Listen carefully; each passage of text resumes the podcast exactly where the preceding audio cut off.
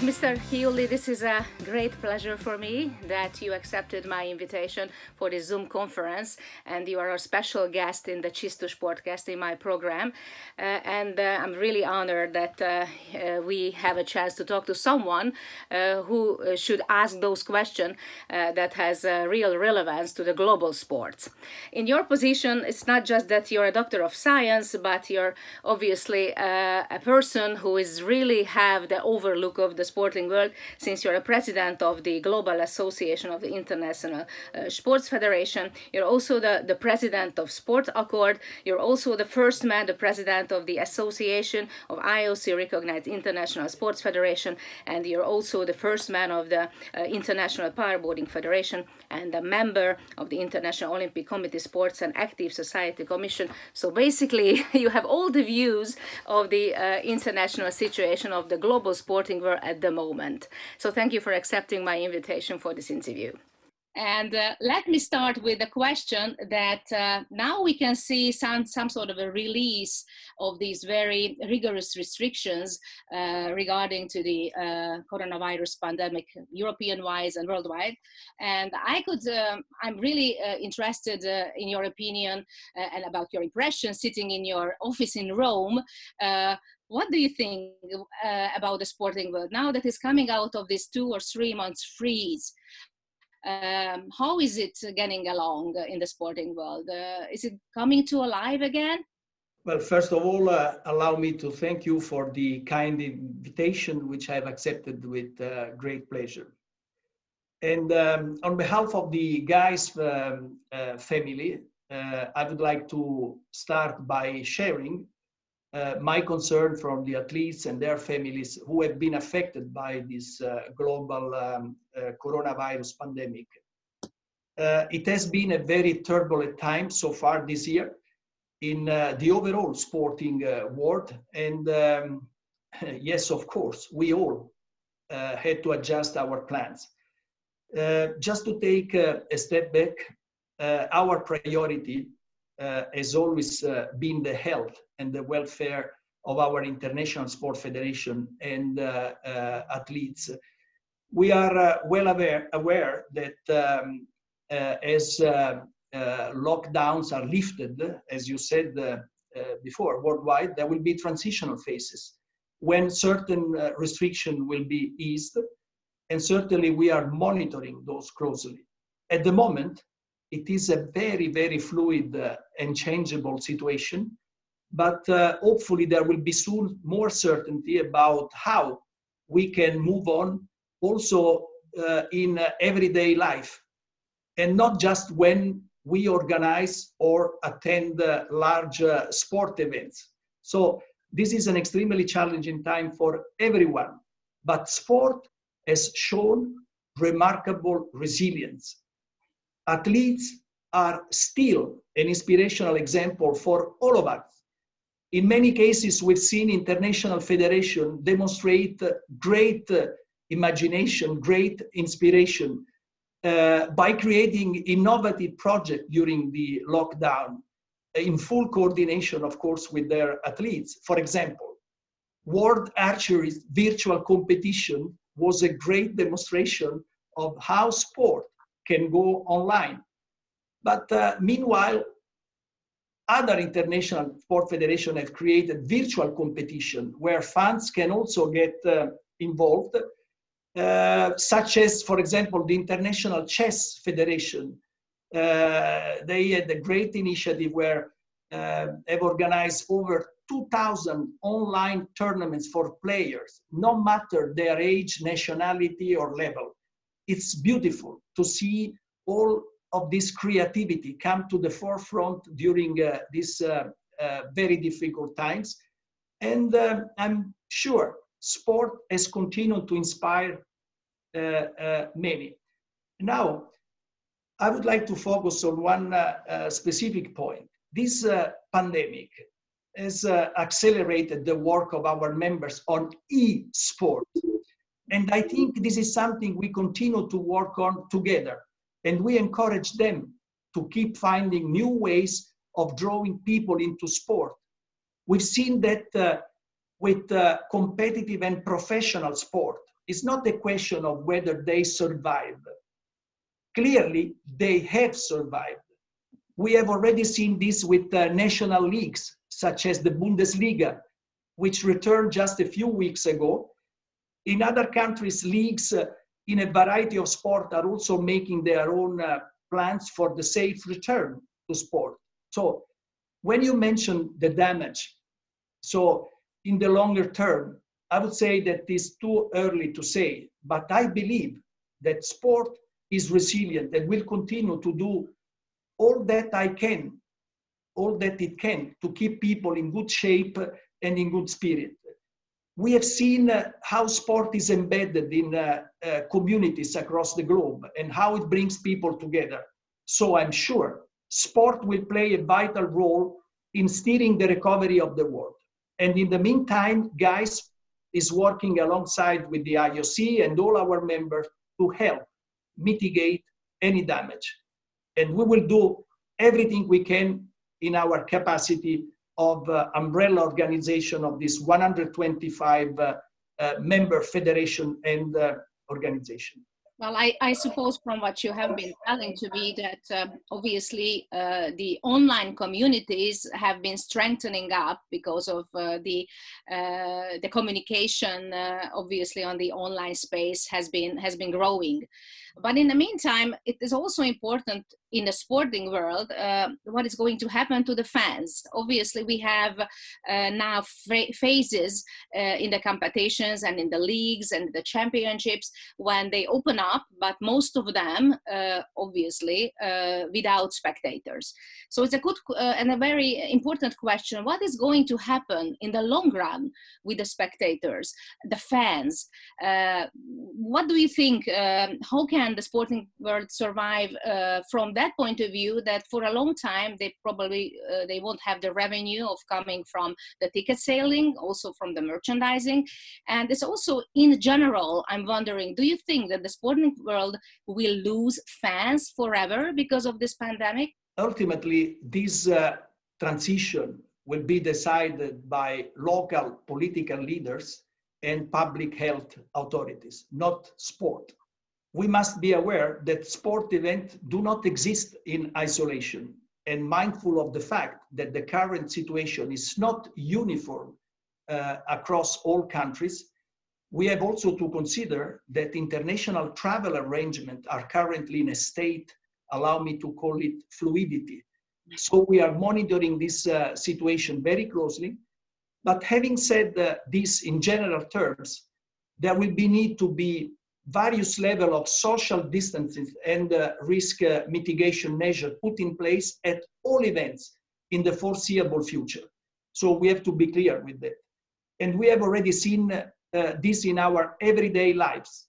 As I'm sure for you, just uh, as it is for me uh, here in Rome, our world has not yet returned what we knew before the pandemic. But at the same time, we've already seen that the different size of events are being planned in different places. In the Czech Republic, for example, the National Athletics Federation earlier announced a series of micro meetings beginning in June for uh, its athletes.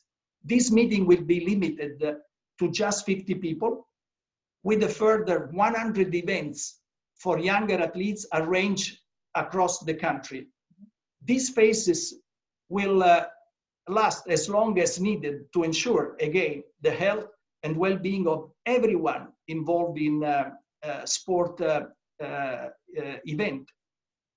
So when you mention, you know, sport events, matches without spectators, um, I think it's very, very difficult to make a single generalization regarding the impact on international federation and so on. At this stage, dealing with uh, hypotheticals uh, would be premature. okay, uh, right. I, I, understand. Obviously, just it would it would be good to to foresee something of these transitions, uh, but obviously at the moment it's not really predictable. I can give you my opinion if you wish. I mean, I I certainly I mean, there are experts worldwide uh, that are looking, uh, you know, uh, at many ways that the COVID-19 could be uh, treated and managed. And uh, I'm sure a lot of positive uh, things could happen and develop in the coming months.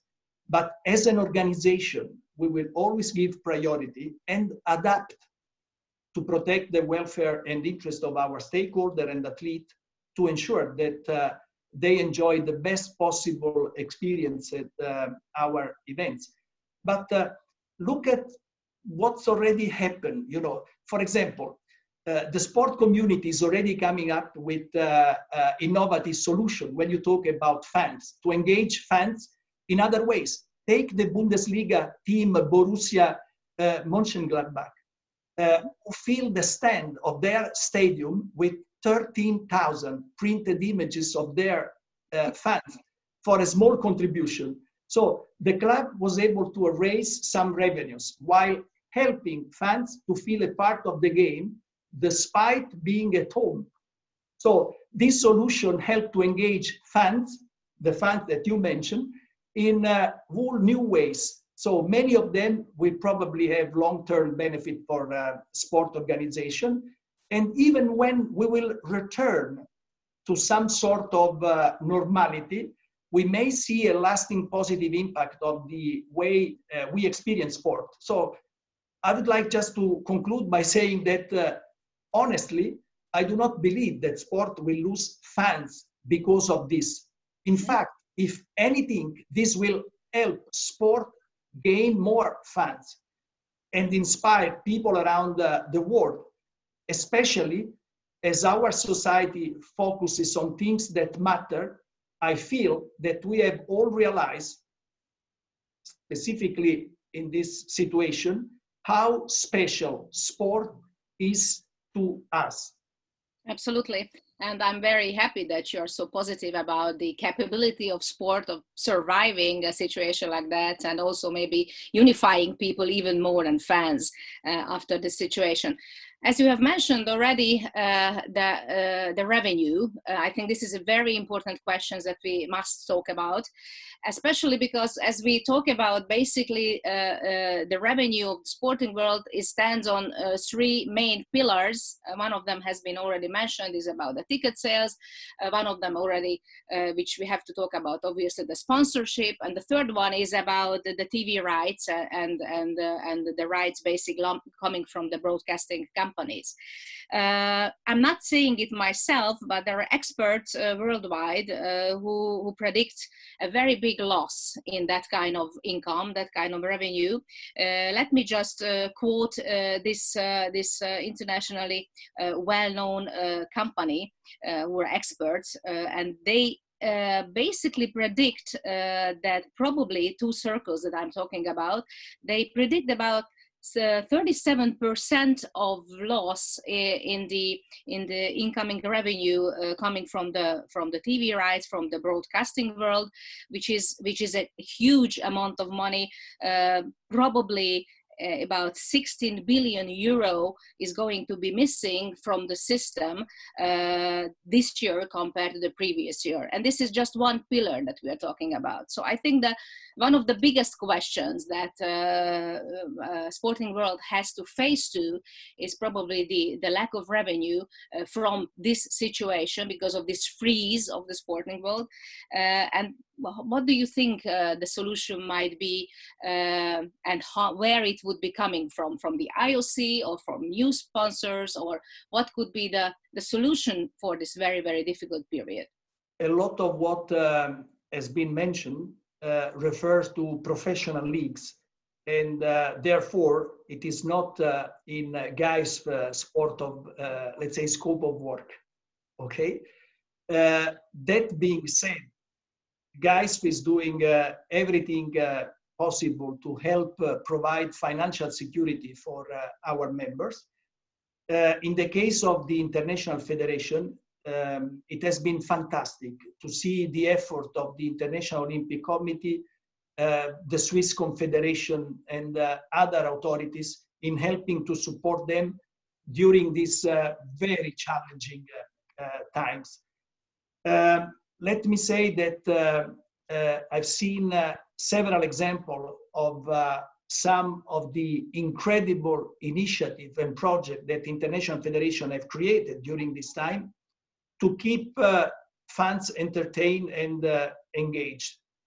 And also, it's very encouraging to see that our community is uh, united behind the common goal of utilizing the, the power of sport as a symbol of positivity, uh, hope, and unity.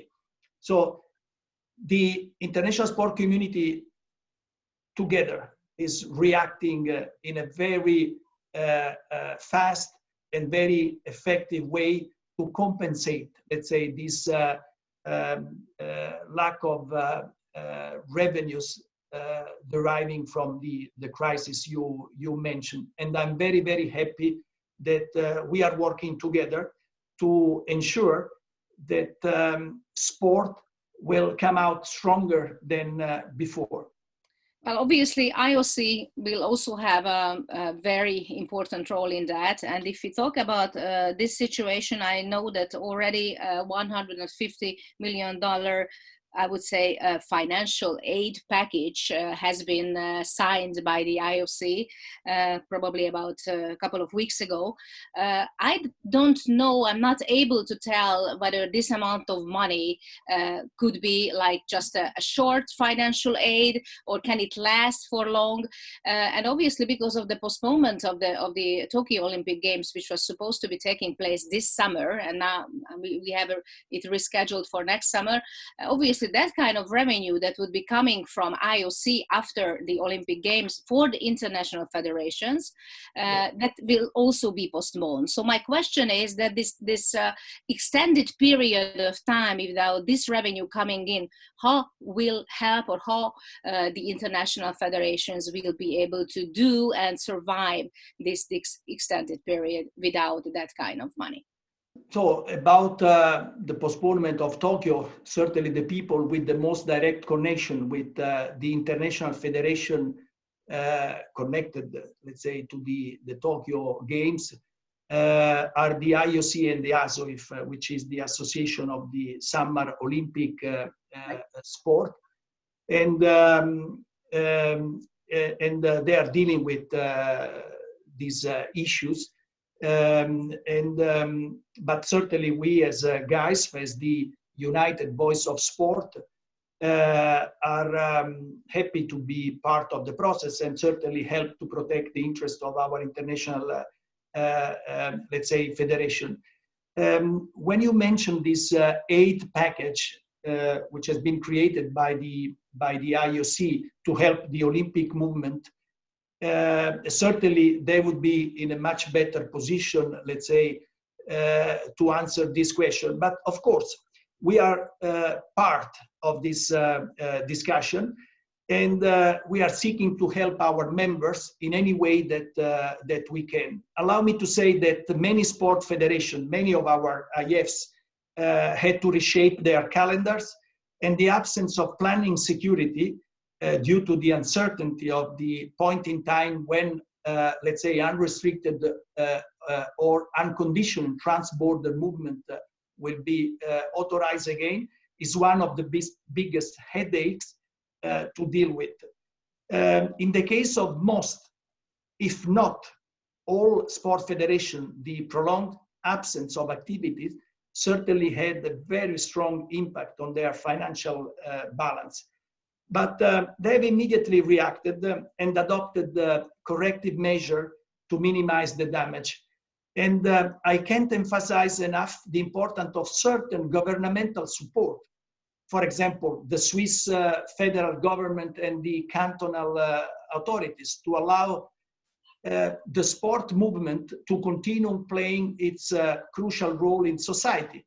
and I mean, health-wise, you know, uh, from the cultural viewpoint, social cohesion viewpoint, the educational role of sport, and why not the entertainment side, which is also uh, nowadays very, very important. So over the last uh, weeks uh, and, uh, and months, our IFs have strived to ensure the safety of their staff who have remained committed mostly in smart work uh, to continuing to service uh, the needs of their stakeholder uh, during the suspension uh, of the international events worldwide. And um, uh, during this time, I've been uh, really warmed by the gestures of solidarity and support that many IFs have received from inside, but allow me to say also from the outside the sport community. Let me just ask a uh, last question about the finances. Also, there are some other difficulties that uh, we have to face too. Uh, Michael Payne, the former marketing director of IOC, when we had a chance to talk to him a couple of weeks ago, he said that uh, he predicts that after the pandemic, a new era will come to the international sports, especially in Europe. He thinks that uh, um, wages, salaries, really sometimes overpaid, has to be uh, rethought. Maybe uh, the international sporting world's clubs, professionals, has to think about uh, the implementation of uh, of salary caps uh, just to have sort of a, uh, a, a different kind of a different kind of um, sharing of the revenues in the professional sport.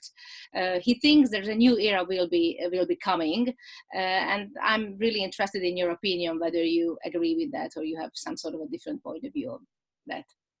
Well, I think uh, the international sport landscape will have to be uh, rethought, reconsider, and uh, we need to think uh, seriously how to reform the reforms mm-hmm.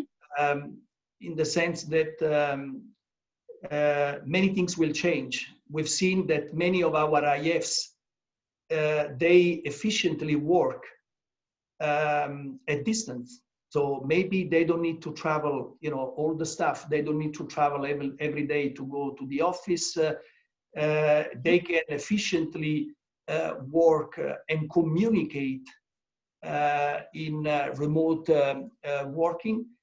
Um, um, this requires a new way, a new relationship between um, the workers and the managers because uh, an element of trust uh, of mutual confidence have to be in place in order to uh, certainly uh, adapt to this new way of uh, working.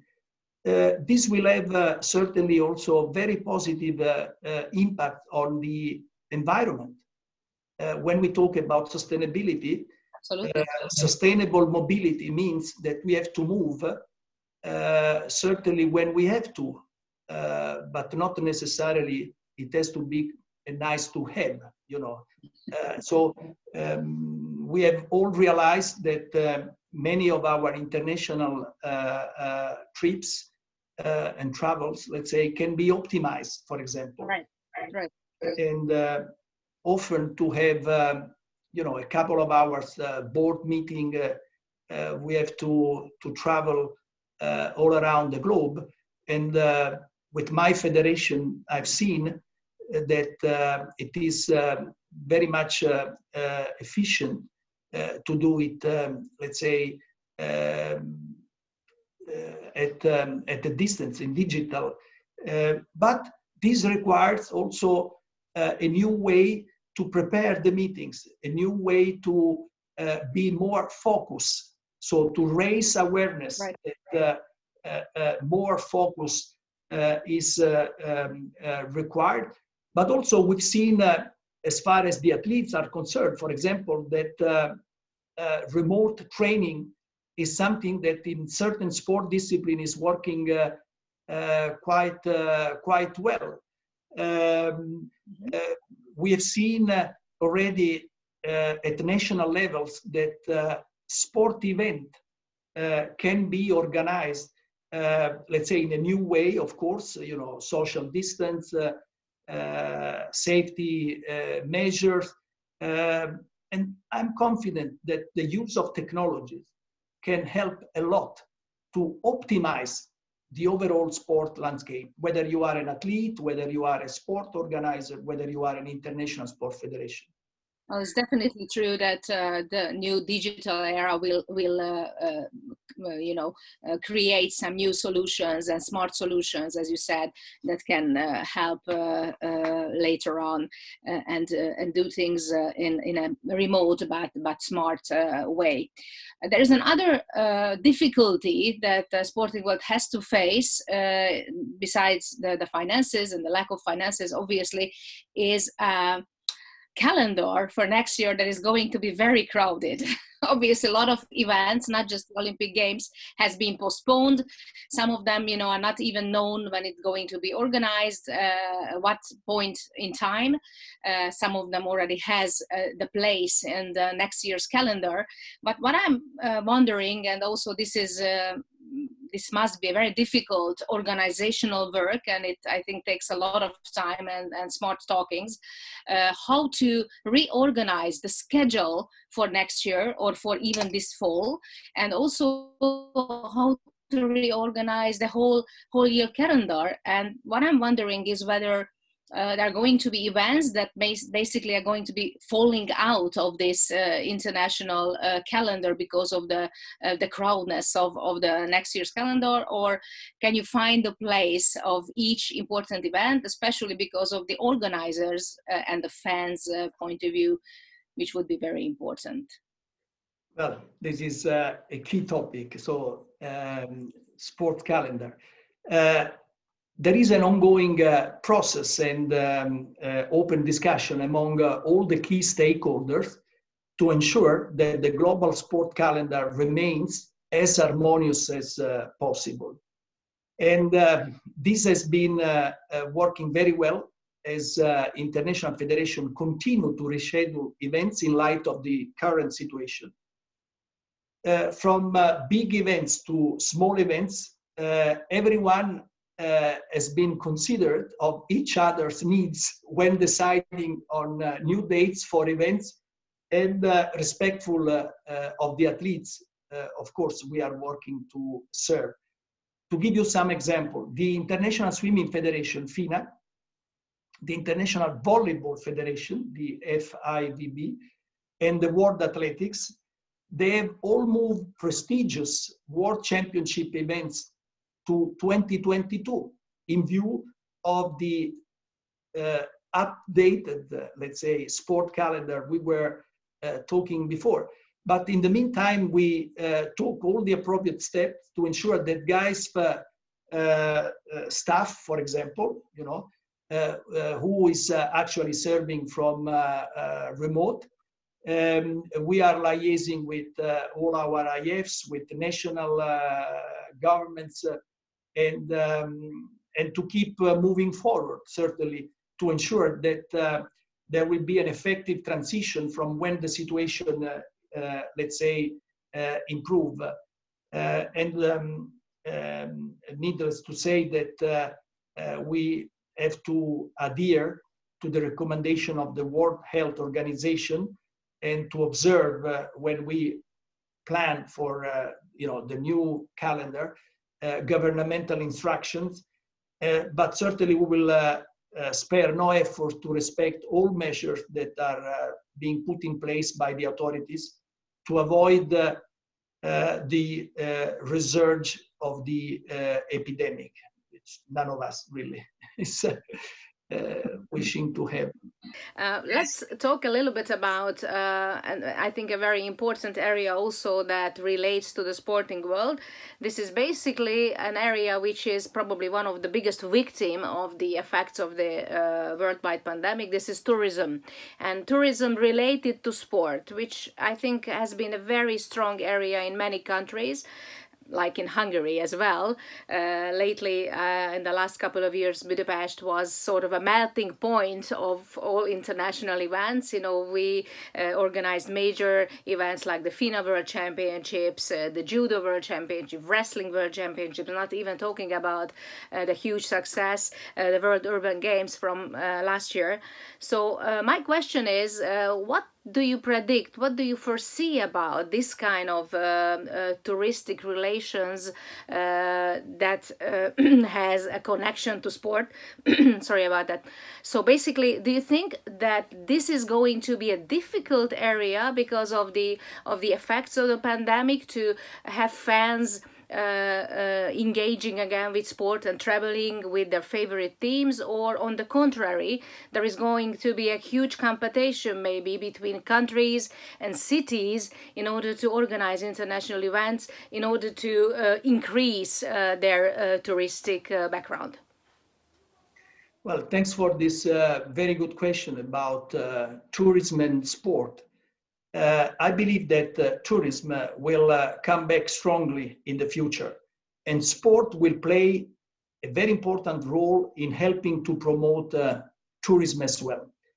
Uh, already, Spain has confirmed that it will welcome foreign tourists from 1st July onwards, ending its two weeks quarantine policy uh, I believe this shows that countries are ready to welcome people in their countries if it is uh, safe to do so. I know there is a strong, strong appetite worldwide for international competition to resume and for uh, countries or cities wanting to host uh, events. Uh, as uh, always, this should be done if the health and well-being of uh, all participants uh, can be ensured. So uh, I'm a believer in looking at the positives in uh, this situation, and I feel that the positive impact this situation has had on our environment should continue to be considered. So hopefully organizations will continue to think carefully about how to reduce their global environmental footprint to protect our planet and its environment. And we see many, many of our members moving to online meetings. Uh, and I think many of these meetings will continue to take place online from uh, uh, uh for some time to, to come. So tourism, uh, I think, will uh, certainly benefit from all uh, the positive things that the, the, the, added value that sport can, uh, can uh, bring. Very positive about that well, it's very important that you're so optimistic in uh, in all these uh, uh, uh views of of uh, the the difficulties of the sporting world. But allow me to be a little more specific about uh, my beloved capital, Budapest, especially because Budapest has been, I think, not just a fantastic melting point of the international sporting events, but a, a fantastic rendezvous place. Let's see, let's say that, and also in the same time, Budapest Budapest had and has the ambition to become uh, sort of a center of international sport world and sporting events, uh, as uh, you could see from uh, last year's event. So, what do you think about uh, how difficult or easy will be to get back to the same stage uh, for a city like this? And can we get back to the same same stage as all? Is there a chance for that? based on my own personal experience, Budapest is uh, an exceptionally capable sport event host. I like Budapest, I like Hungary. and uh, I have uh, absolutely no doubt that uh, in the future, more incredible events, both uh, large and small, will be hosted in this beautiful, lovely city of Budapest. Uh, last September, Budapest hosted the inaugural World Urban Games, with uh, several competition sport, uh, showcase sport, uh, demonstration sport. And uh, we have been able to put together uh, the world of sport, the world of music, the world of art. And um, the World Urban Games Park was transformed, uh, I will never forget that, into a celebration of active urban culture during this three days event, we had more than 50,000 people filling the park to watch uh, some of the best world uh, uh, urban athletes. And um, young people, but also adults, uh, uh, took advantage of our practice areas, providing opportunity for the general public to try new activities. This was a, a wonderful uh, occasion. So we had more than 800 children from local school having the opportunity to try out the new sporting activities under the guidance of these top level athletes. And I'm sure that uh, this left them with a newfound inspiration for sport uh, after this first-hand interaction with their role models. So uh, sport was at the was uh, at the center of the games, but uh, the link to street art uh, and live DJs gave the event an authentic urban vibe that uh, bound the event together and uh, showed us that sport is much more than a competition. It is a lifestyle.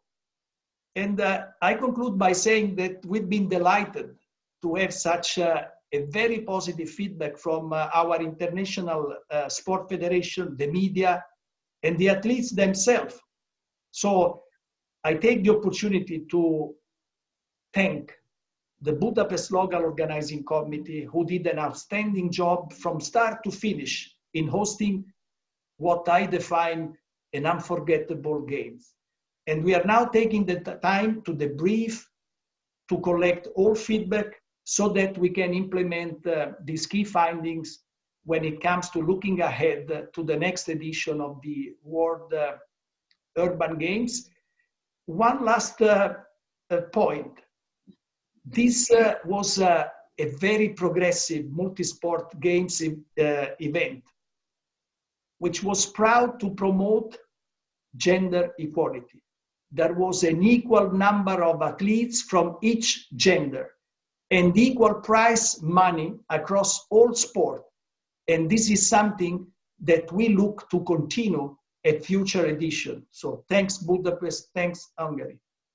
Thank you so much. And it's very uh, interesting. Some people say that basically the World Urban Games is a new face of the Olympic Games, a modern face, a modern look of the of the modern era Olympic Games. I don't know if you share that kind of opinion, but uh, if it was such a success, then obviously there's a huge, huge uh, big question about uh, uh, continuing this event. And I know there was a sort of a um, anticipation of having Budapest again to be the host for next year. I don't know if there is any kind of further decision in that regard.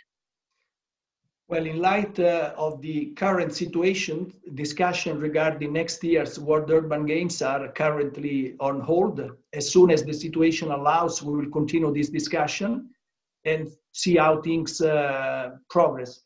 Uh, of course, we are having conversation with uh, Budapest, and um, certainly, uh, if we will have the opportunity to go back, uh, me personally, but I'm sure also the overall uh, uh, sport landscape will be very, very happy to go back to Budapest.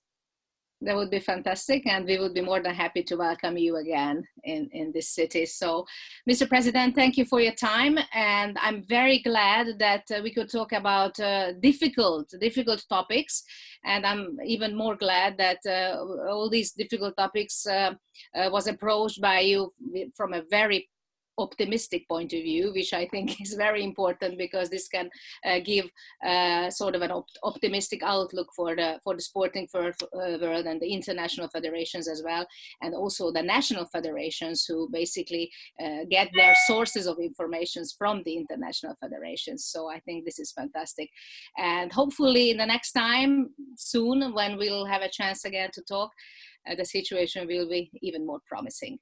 Let's cross fingers. Thank you so much for uh, hosting me. Thank you so much. Thank you. And all the best for you. Take care.